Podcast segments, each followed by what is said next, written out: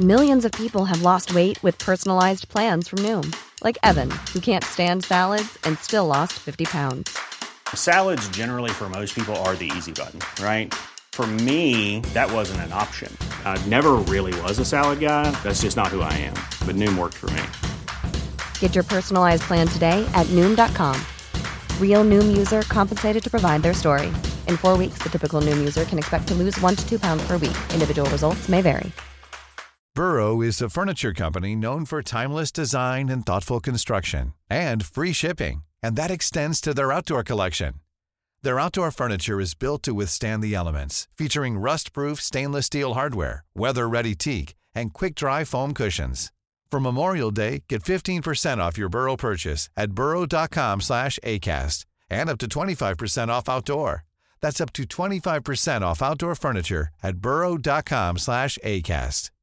Hey, Dave. Yeah, Randy. Since we founded Bombus, we've always said our socks, underwear, and T-shirts are super soft. Any new ideas? Maybe sublimely soft. Or disgustingly cozy. Wait, what? I got it. Bombus. Absurdly comfortable essentials for yourself And for those facing homelessness. because one purchased equals one donated. Wow, did we just write an ad?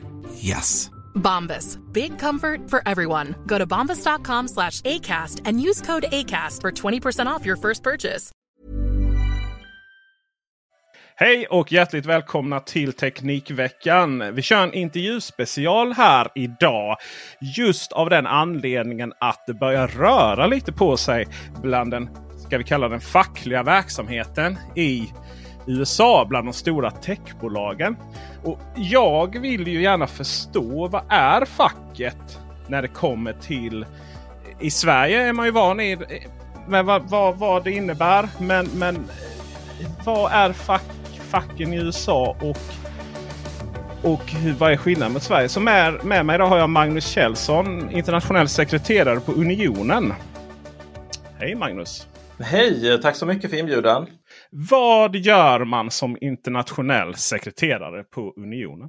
Det är en bra fråga, men man kan konstatera tror jag att eh, världen och näringslivet idag är väldigt eh, globaliserat. Eh, och eh, vi har ju många multinationella företag i Sverige och vi har ju också många svenska multinationella företag som verkar eh, i andra länder.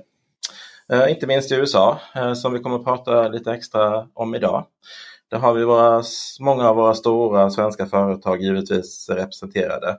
Eh, både på tekniksidan men också andra, i andra branscher som H&M och Ikea och, allt vad det kan vara, Electrolux och Volvo och sådär. Så som internationell sekreterare så samverkar jag mycket med eh, företagen eh, men också med fackförbund eh, runt om i världen. Och också jobba med liksom hur vi kan internationellt påverka så att arbetslivet helt enkelt blir bättre. Att vi påverkar det tillsammans. För det ligger liksom i fackets idé att det är tillsammans som man kan förändra och påverka arbetslivet eh, till det bättre. Och det är samma sak i, eh, i alla länder och i alla företag. Du sa att eh, du pratar samarbeta med företag. Man tänker facket så tänker man ju att, det någonstans är medarbetarens representant. Hur, vad är egentligen ett fackförbund? Om man, om man tar ner frågan så, så Ja, banalt. men det kan vi absolut göra tycker jag. Så I Sverige så är de flesta Eh, medlemmar i ett fackförbund. Man kan väl säga att det egentligen är en förening eh, med eh, medlemmar som tillsammans arbetar för att skapa ett bättre arbetsliv. Det kan ju handla om lönenivåer, det kan handla om din arbetsmiljö. Men egentligen kan det faktiskt handla om precis vad som helst som, som handlar om att, att man ska trivas på sin, sin arbetsplats. Så det är en ganska enkel idé egentligen att man tillsammans eh, får en starkare röst och har möjlighet att påverka eh, arbetsplatsen eller arbetslivet till, till det bättre. När är man med i Unionen och när är man med i LO och när är man med i Handels och så tänker jag. Ja, det där kan ju vara lite krångligt eh, för en del vilket fack man ska välja och så. Eh, och det finns ju i Sverige finns det ju tre olika centralorganisationer. Det finns LO, det finns TCO och SACO.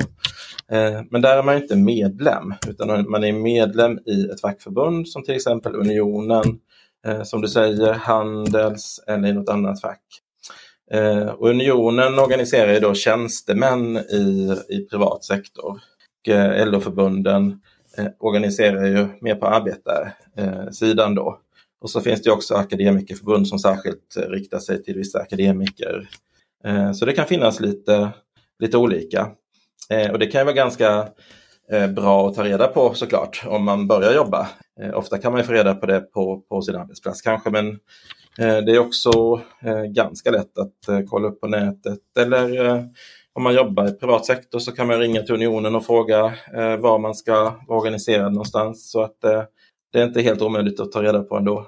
Är eh, a-kassa och fackförbund samma sak? Man pratar ju om att det är klokt att vara med i en a-kassa naturligtvis. Men man behöver inte vara med i facket för att vara med i a-kassan. Man behöver inte vara med i a-kassa för att vara i facket, eller? Är det korrekt? Ja, men det är korrekt. Alltså a-kassan är ju Eh, och det är också att människor kan blanda ihop det där lite. Men a-kassan är ju egentligen, eh, det är bara ett, ett visst ekonomiskt skydd eh, om det skulle hända sig så att, att man blir arbetslös. Eh, så det är bara det som är a-kassan. Eh, vill man känna mer trygghet och få stöd i sitt arbetsliv, kanske inflytande och så, så är det viktigt att man är med i både eh, facket och a-kassan. Sen kan man väl säga också att många fackförbund erbjuder ju också sina medlemmar att på sätt och vis så blir det ju en, en, en, en starkare ställning också om man blir arbetslös i och med att man har kompletterande inkomstförsäkringar. Men fackförbund och a-kassa är egentligen två olika saker och, och min rekommendation såklart är ju att man, man ska vara med i, i båda.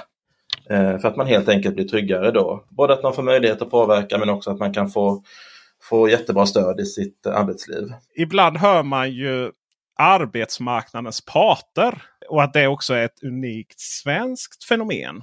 Vad är egentligen arbetsmarknadens parter? Förutom att det kanske låter lite högtidligt eh, så, eh, så är det ju egentligen eh, fackförbund och arbetsgivare eller fackförening och arbetsgivare som är arbetsmarknadens eh, parter.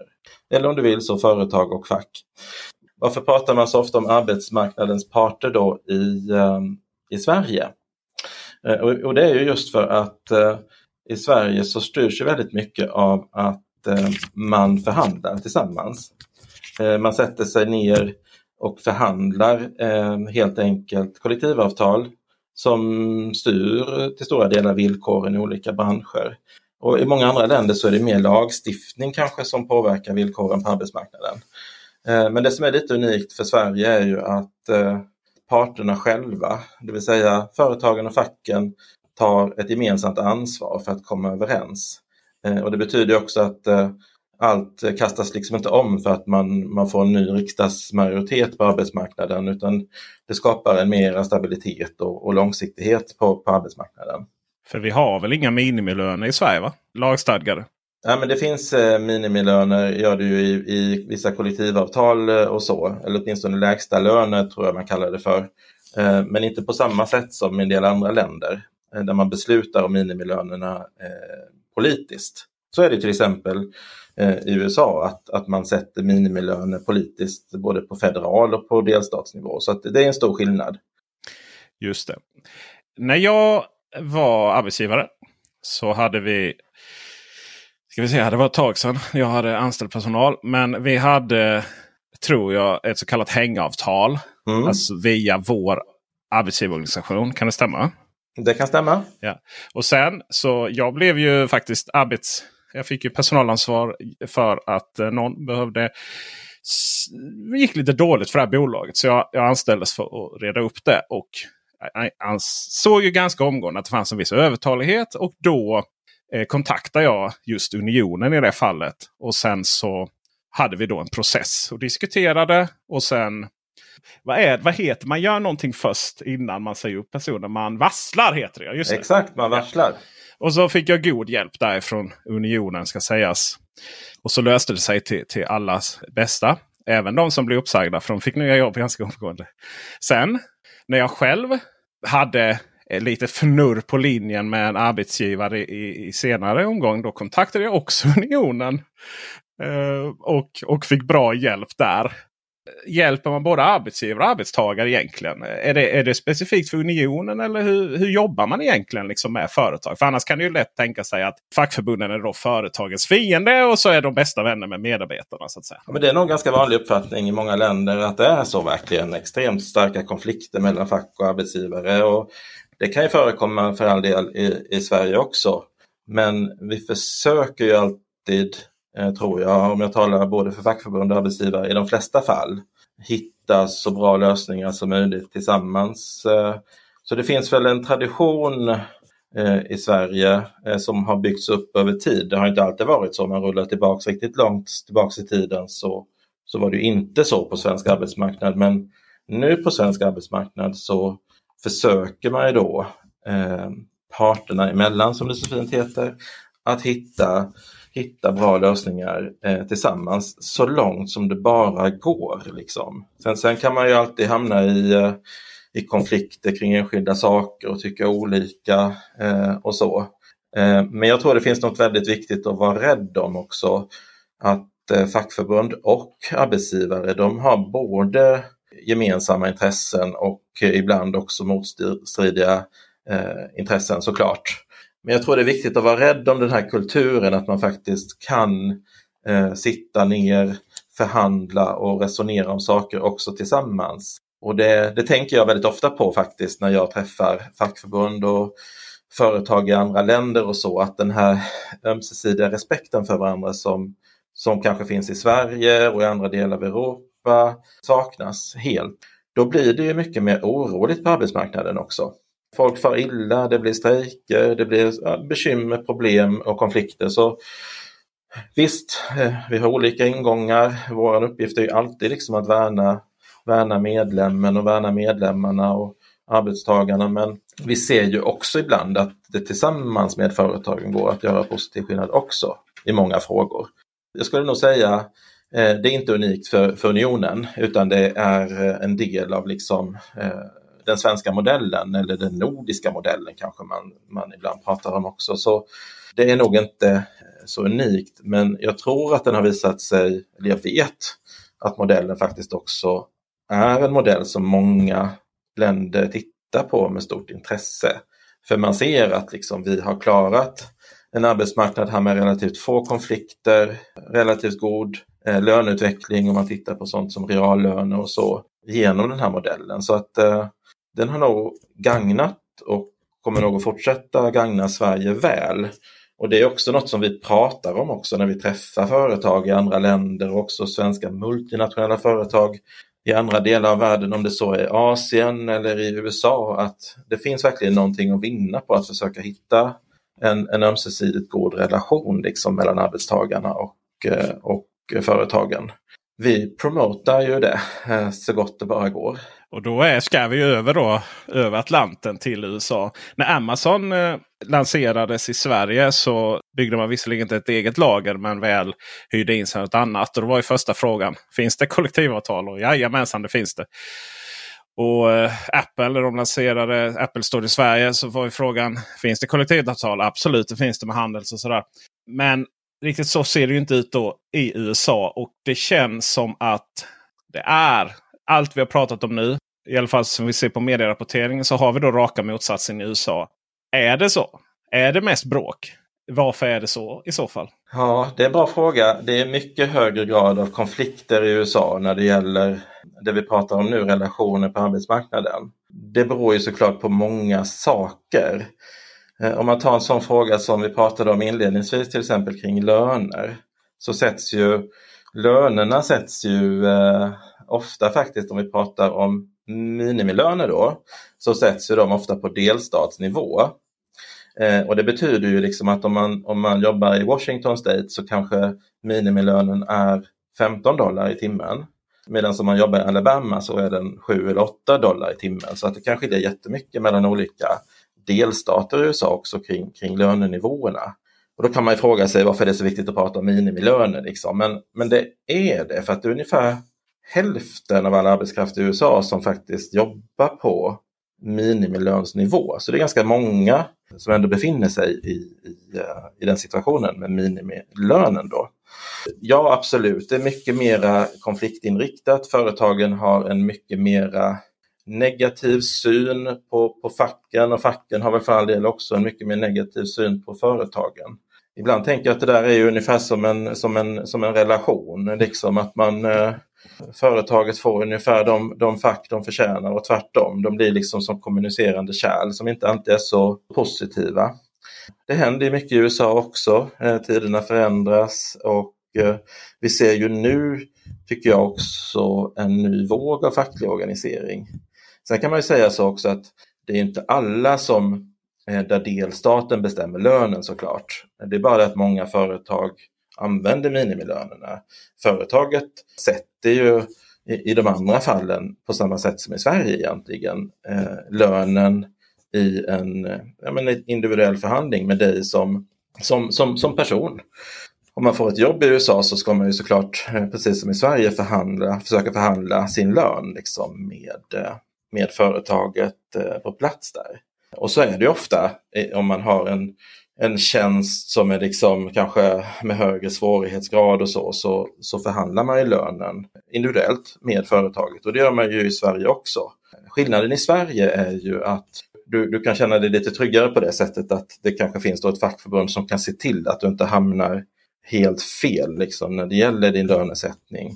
Själva den delen att, att lönen sätts individuellt Eh, och så i, i, i dialog med, med företaget, det är samma sak eh, oavsett om man pratar USA eh, eller Sverige.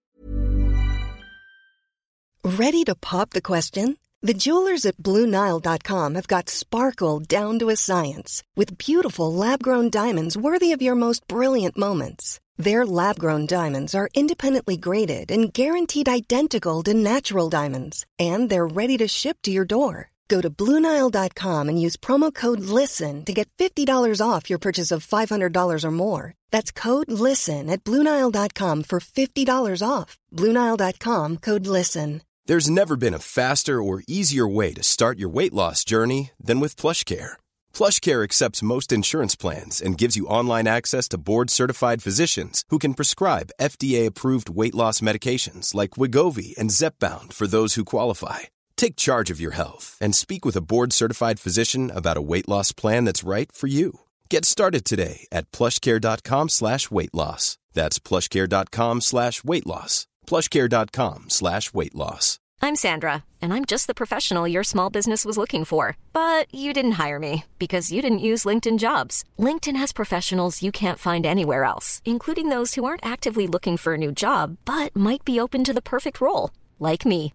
In a given month, over 70% of LinkedIn users don't visit other leading job sites. So if you're not looking on LinkedIn, you'll miss out on great candidates like Sandra. Start hiring professionals like a professional. Post your free job on linkedin.com/people today. Burrow is a furniture company known for timeless design and thoughtful construction and free shipping, and that extends to their outdoor collection.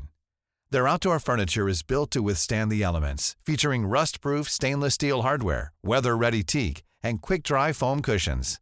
For Memorial Day, get 15% off your Burrow purchase at burrow.com/acast and up to 25% off outdoor. That's up to 25% off outdoor furniture at burrow.com/acast. Since 2013, Bombas has donated over 100 million socks, underwear, and t-shirts to those facing homelessness.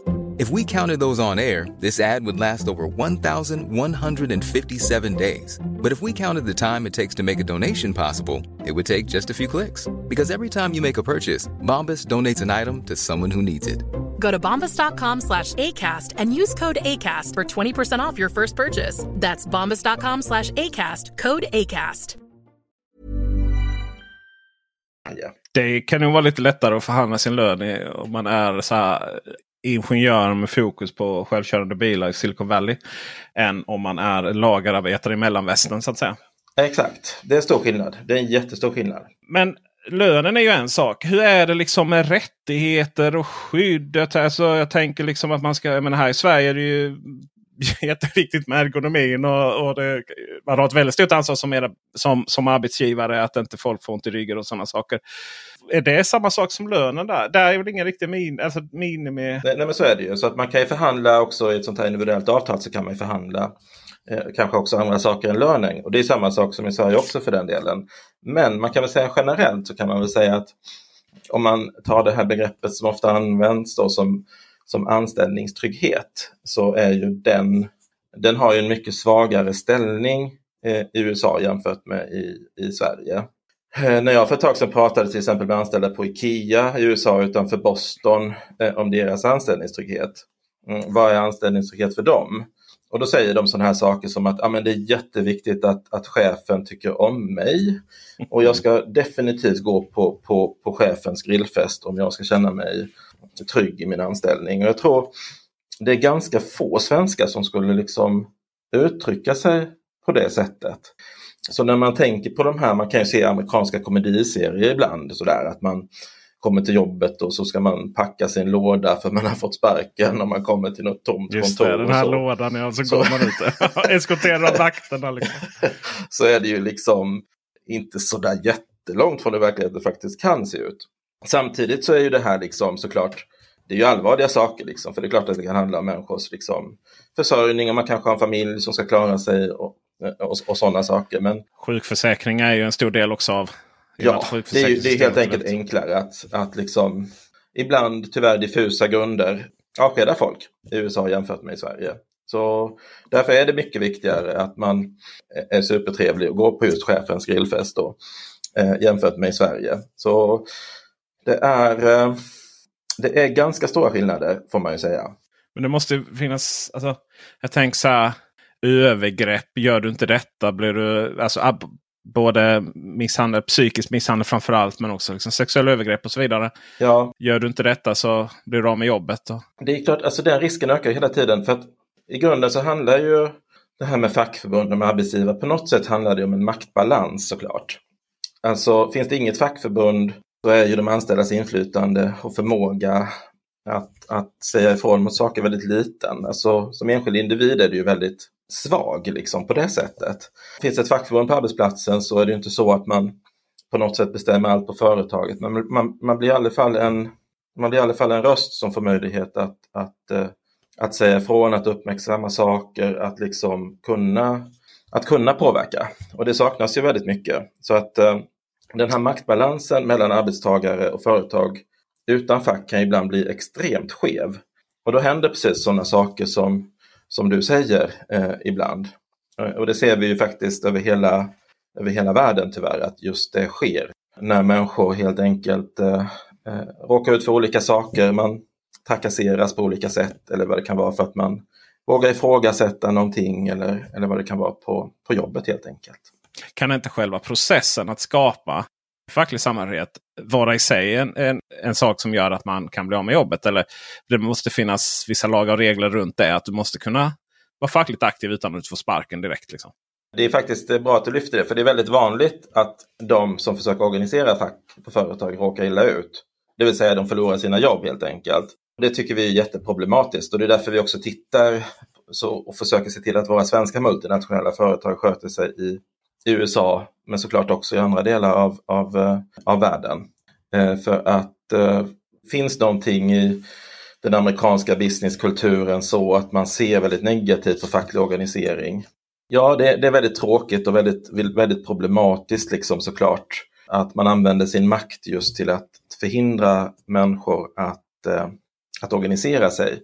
Om det låter fluffigt så kanske jag ändå kan säga att, att den rätten är ju också en grundläggande liksom, mänsklig rättighet att kunna påverka tillsammans. Man har rätt att bilda en förening för att kunna påverka. Så det, det, är, en, det är en väldigt viktig, det är kanske en, en sån här mänsklig rättighet man inte pratar om så ofta, men den är väldigt viktig.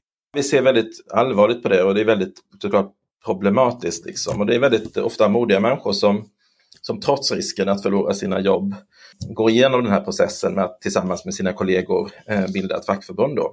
Enskilda Apple-butiker där två har börjat organisera sig på ett sådant sätt så att man kommer då att rösta om man ska bilda Mm. en fackklubb. Och sen när man väl har gjort det så kan man då ansöka eh, till. Det är väl någon form av federal myndighet som håller koll på det också. Så det går väl lite in i, i staten va? Ja men precis. Ja men det kan man väl säga liksom. Det finns eh, National Labour Relationship Board som liksom ska godkänna såklart resultaten och sånt där. Men, men i grund och botten så handlar det om att eh, för att få organisera sig fackligt eh, i USA på ett företag så ska man vinna en omröstning eh, där minst 50 procent, där minst hälften av de anställda eh, röstar ja till att bilda fack. Det är väldigt ofta i det skedet, liksom när man, som nu på Apple till exempel, när man börjar prata om att man vill bilda eh, fackförbund, att arbetsgivaren börjar eh, sätta sig emot och, och, och, och så eh, och trixa.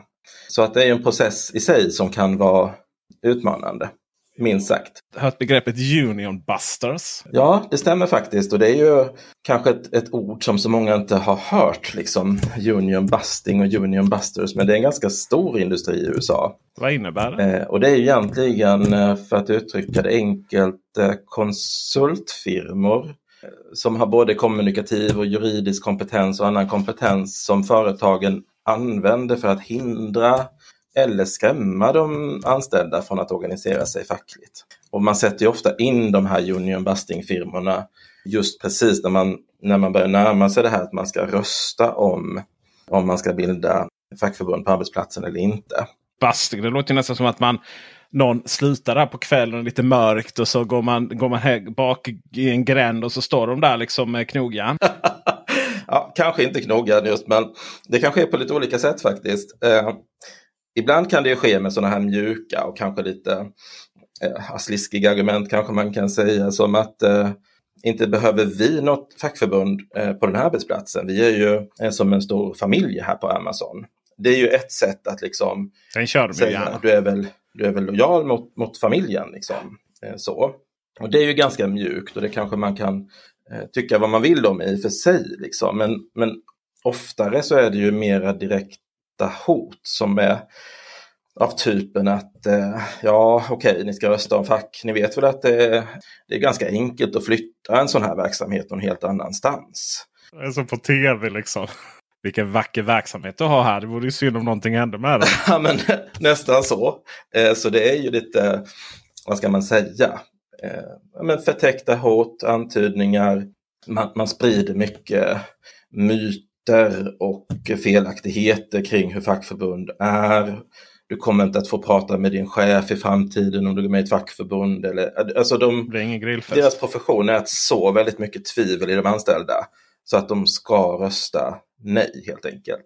Vad är det man är rädd för? Jag menar Amazon till exempel vill ju gärna liksom utåt sett vara ett ganska gott företag. Vi har deras grundare Jeff Bezos som, som köpte upp Washington Times för att den liksom någonstans amerikanska mått mätt vänstertidning. Eh, inte på svenska mått mätt mm. men amerikanska liksom så liberal. De, någonstans har de liksom goda på den här Galtan-skalan och sånt.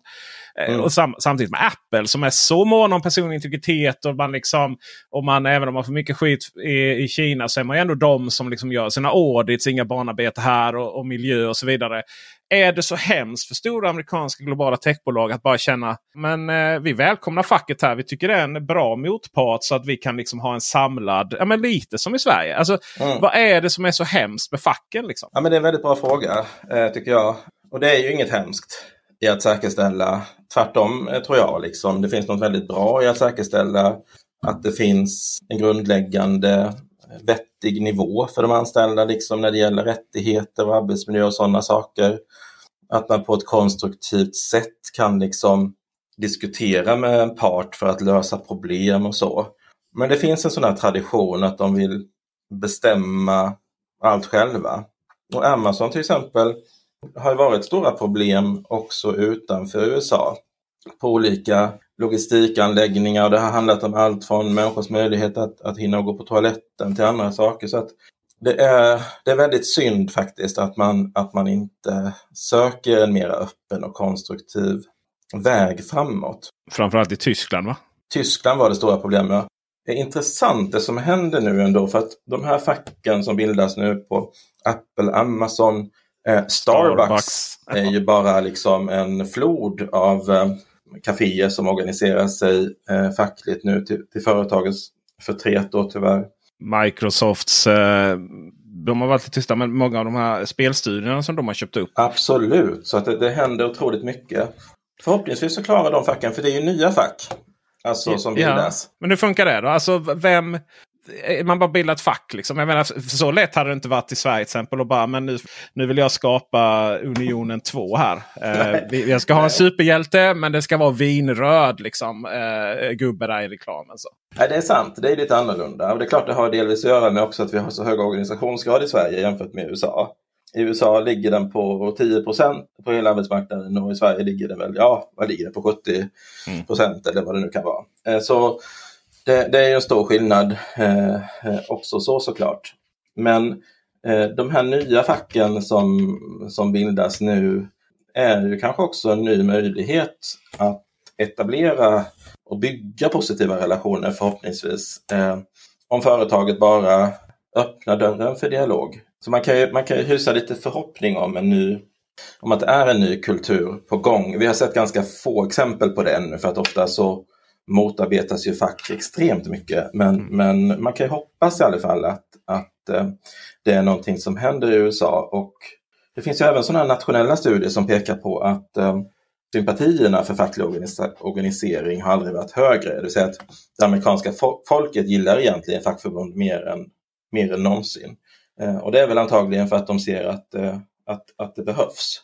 Så nu gäller det väl också att få företagen att se att det finns faktiskt en en win-win i det här. Liksom, att medarbetarna eh, ges möjligheter att ges mera inflytande och att också finns något positivt i det. Att man skapar sig också ett, ett, ett gott renommé och, och mer motiverad personal kanske och att man kanske känner mer för företaget på riktigt om man känner att man blir, att man blir lyssnad på helt enkelt. Det är ju det de har argumenterat för. De, de är ju väldigt, väldigt duktiga där i eh, Apple Store Atlanta. Det är ju som man, de inte har gjort någonting annat. Det, liksom kommunicera, kommunikationen är ju i den att vi älskar Apple, vi vill jobba kvar här. Men vi är många som har tvingats sluta och söka andra jobb för att vi helt enkelt inte har råd och, ja, med våra vardagliga kostnader och sådär. Och, och då, det ska sägas att Apple är väl generellt sett eh, har lite bättre löner inom retail än vad det är i många andra. Jag tror att Apple kan vara mycket nyckeln i detta. För det är ju ändå ett bolag som är ganska lyhört.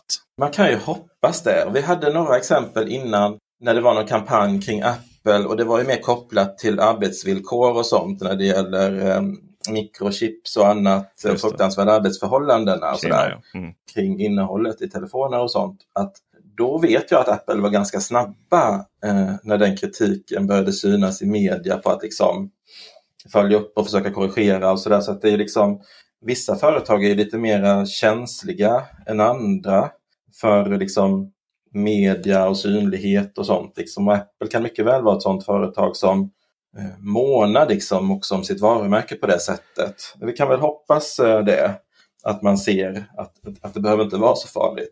Jag tror till och med vi kan tro på det. Det är lite historiskt sett. Så här, alltså, lyssnare då vet ju att eh, jag kommer från Apple-hållet. och så vidare. Och så antingen är man ju lite av en fanboy eller så, har man, eller så använder man den erfarenheten för att analysera. Eh, vi kan ju till exempel kolla på att bolaget gick från att vara totalt Eh, finns det en möjlighet att reparera en grej till att starta igång liksom att vem som helst kan beställa reservdelar på ett helt annat sätt än vad, vad som inte finns tidigare i branschen på många sätt. Eh, och Det är liksom ett exempel på att man har anpassat sig. Men det är ju just det som är jobbet. Mm. hade ingen, ingen sagt någonting så hade, hade man inte gjort det.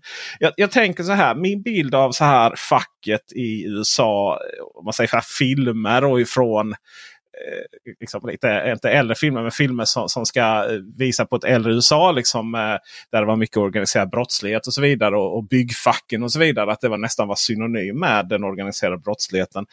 Är det en myt? Och, och i så fall kan det ha spelat roll i, i synen på fackförbunden? Så.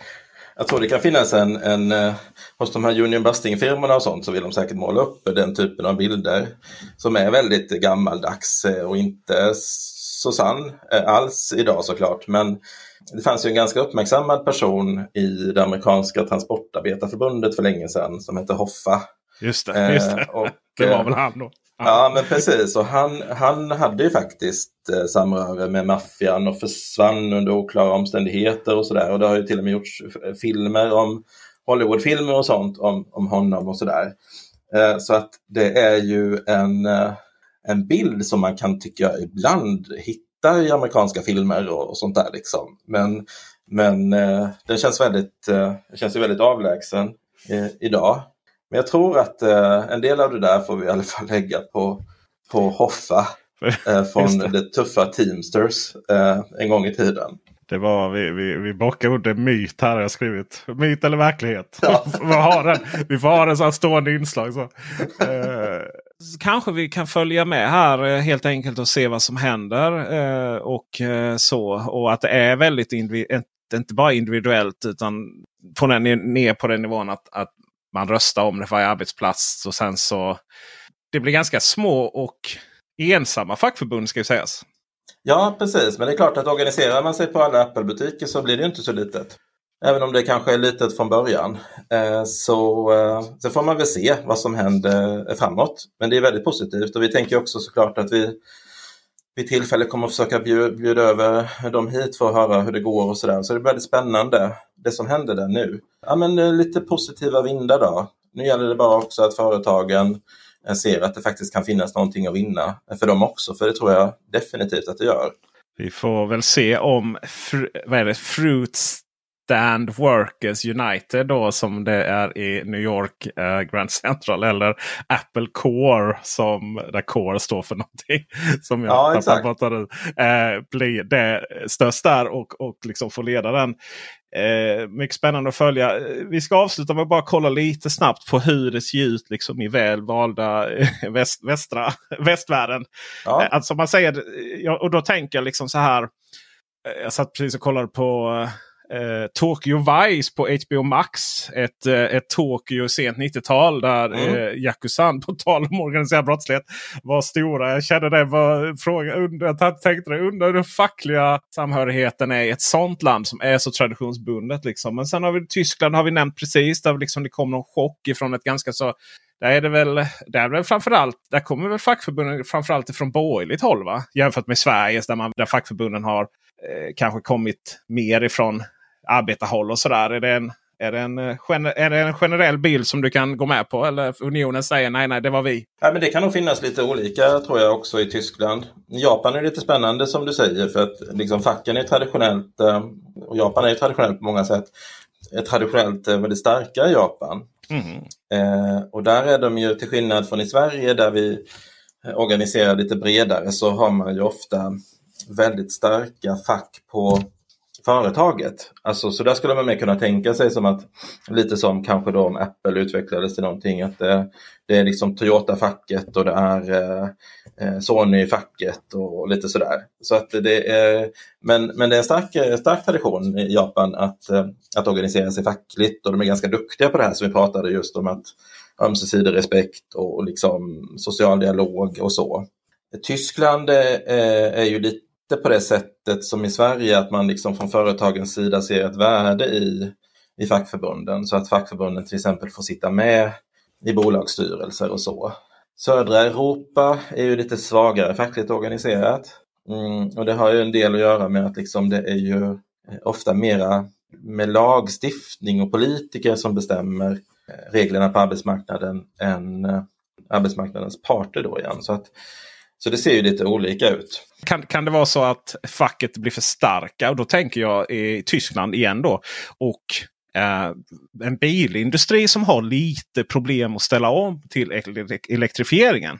Där facken är med och äger bil, bilbolagen också. Och inte är så sugna på att säga upp 50 000 dieselmotorsingenjörer på ett bräde. Jag skulle säga att det, det, är nog ovanligt om man tittar på hur världen ser ut idag, att det skulle vara förhållandet. Men det är inte omöjligt att tänka sig. Det finns ju, i alla fall tänka sig det teoretiskt, och det finns ju de som hävdar till exempel med bilindustrin i, i Detroit och så, liksom, eh, och, och starka bilarbetarfacket, att att det blev för starkt. Sådär. Så det finns ju de som argumenterar för det. Jag säger inte att det är sant. Liksom.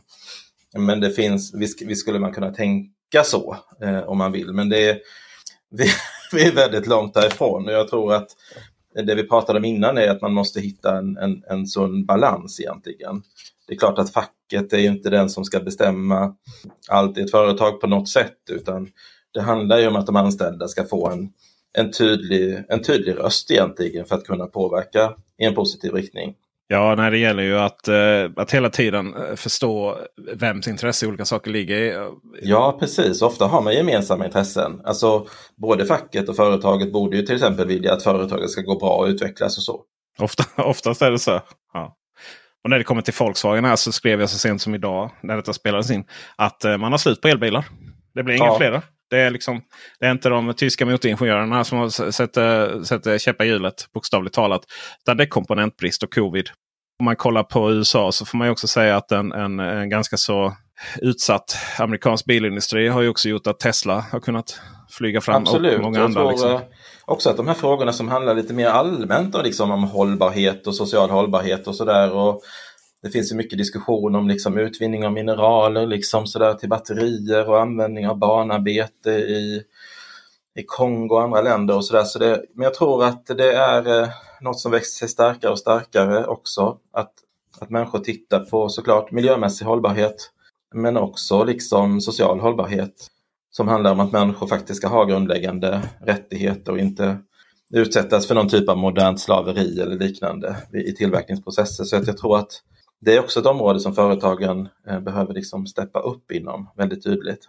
Det har varit en del sådana diskussioner just kring, kring liksom komponenter och, och så, och tillverkning i Kina eh, och, och, andra länder. Så att, så att eh, där finns ju också en, eh, en utmaning för företagen som jag tror också man behöver nog fundera på hur man möter den på ett positivt sätt.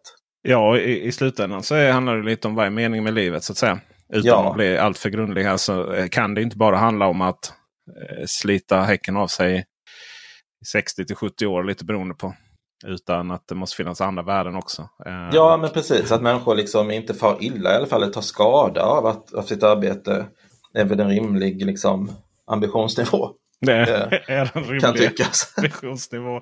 Och med, dem, med den målbilden, så, eh, eller värderad riktning som, som min kollega Tor säger. Man ska inte ha mål, man ska ha värderade riktningar.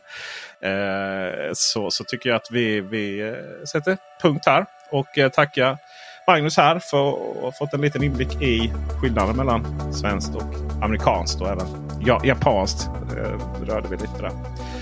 Och eh, är det så för svensk del att man vill bli medlem i sitt fackförbund. Eh, man är lite osäker. Så då sa du, då går man in på webbsidorna och kollar. Man kollar helt enkelt lite på vilken typ av jobb man har, eh, vilken typ av sektor man jobbar i. Eh, och man kan givetvis också kontakta fackförbund och, helt enkelt fråga. Välkommen eller ej. Eller så frågar man helt enkelt någon kollega. Eller ringer till den arbetsplats där man söker jobb. Så att, det finns många sätt att, att ta reda på det tackar hjärtligast. Vi ska ge en, eh, på tal om lön då, så ska vi ge en shoutout till vår ljudtekniker Dennis Klarin som eh, eh vars lön betalas av er lyssnare genom frivilliga bidrag eh, via Patreon. Så gå in på patreon.com snedstreck Teknikveckan. Eh, och så finns det lite andra perks att få såsom eh, rabatter och eh, reklamfritt på bubbla.teknikveckan.se. Tack för att ni lyssnade. Ha det bra. Hej!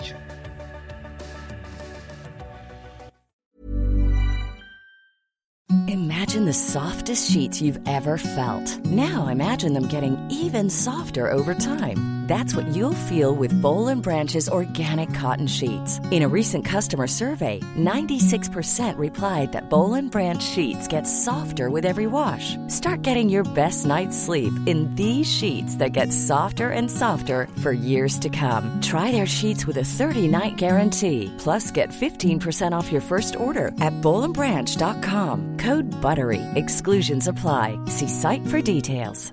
Planning for your next trip? Elevate your travel style with Quince. Quince has all the jet setting essentials you'll want for your next getaway, like European linen, premium luggage options, buttery soft Italian leather bags, and so much more. And is all priced at 50 to 80% less than similar brands. Plus, Quince only works with factories that use safe and ethical manufacturing practices.